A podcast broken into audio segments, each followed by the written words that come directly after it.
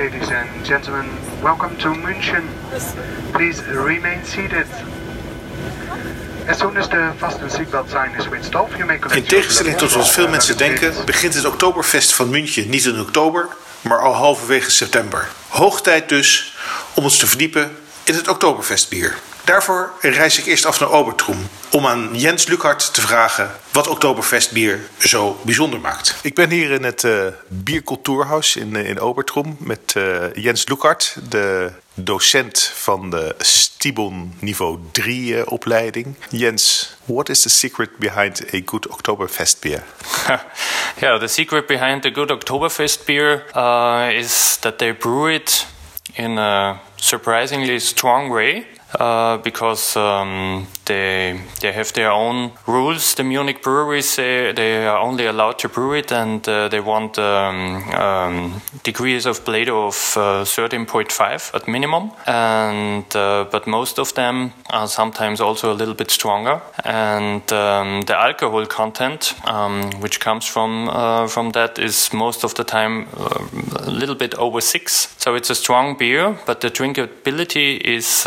Um, is very high because the, the rest sugar is very low. You can drink it in a good way in in a volume of one liter, like they do it there, and uh, and even it's a it's a stronger beer. But that's strange because a, a fest beer, a party beer, would be a little bit weaker beer because people are drinking uh, a lot of it. So how come it's a stronger beer? Perhaps there we, we have to go into the history. Um, the first Oktoberfest was uh, in 1810, and it was the wedding between uh, Ludwig from Bavaria and Theresia from Sachsen. This is the reason why the field is called Theresienwiese, and uh, this remembers uh, her name. And at this time, at the beginning of the 19th century, the, the beers were stronger, especially in Bavaria, the origin word was stronger, and um, yeah, this is a little bit a remembrance uh, from the traditional Munich people. Always tradition is uh, is very important for them, and for that the beers are, are still um, yeah strong. And there's not a lot of hops in there, is there? Yeah, there's not a lot of hops in there, and um, it was interesting because uh, I had the possibility to to brew one beer. Um, uh, it was a customer request, and they wanted uh, to have the original Oktoberfest beer like 200 years ago. And I asked the brewmasters in Munich, but uh, the information was very low. Then no, not many facts.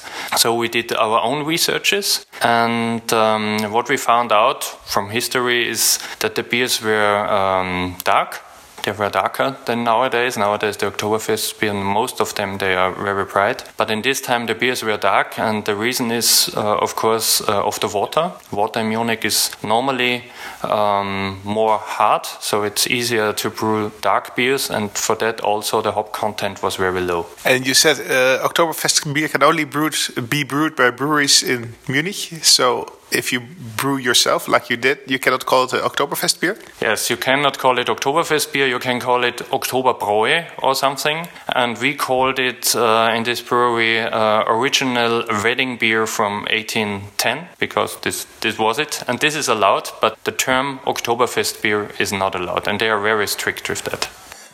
Zo, volgeladen met deze theoretische kennis is het hoogst tijd om jezelf in het feestgevoel te storten. Op naar de Wiezen. Dat doe ik natuurlijk niet alleen, maar samen met een brouwer die zelf ook een Oktoberfestbier gebrouwen heeft. Ik sta hier met uh, brouwer Jet van der Griens op het Oktoberfest. Jet, hoe smaakt die? Ja, heel goed. Heel goed. Wat, wat moet een uh, Oktoberfestbier voor je zijn? Uh, nou, sowieso heel makkelijk doordrinkbaar. Mooi zoet, licht bitter, laag in alcohol. En uh, uiteraard in uh, pullen van een liter. Dan gaat het echt prima. En je hebt er zelf ook een keer eentje gebrouwen? Ja, zeker. samen met Peter van Brouwerij Noord hebben we voor Toms in Rotterdam, die vieren ook Oktoberfest, hebben we ook een Oktoberfest bier gebrouwen, speciaal voor de gelegenheid. Dus dat is wel tof. En er was er nog iets bijzonders aan te doen of was het redelijk recht toe recht af? Nee, dat was nog wel bijzonder om te doen. We moesten wel echt heel goed op zoek naar welke moutsoorten we wilden gebruiken. We hebben Vienna gebruikt, zij is mooi uh, donker van kleur geworden. Ja, welke gist natuurlijk. En omdat hij uh, ook zo doordrinkbaar moet blijven, uh, dat hij wat weinig body heeft, maar wel die bezoetheid zeg maar behoudt. Dus we hebben daar wel goed voor gezeten. En lijkt het een beetje op de Augustiner die we nu hebben? nee. Sowieso de kleur niet. En die van ons is wat mooier moutiger geworden. Maar verder echt wel top. Proost, dankjewel. Geniet ja, dankjewel. Jij ook.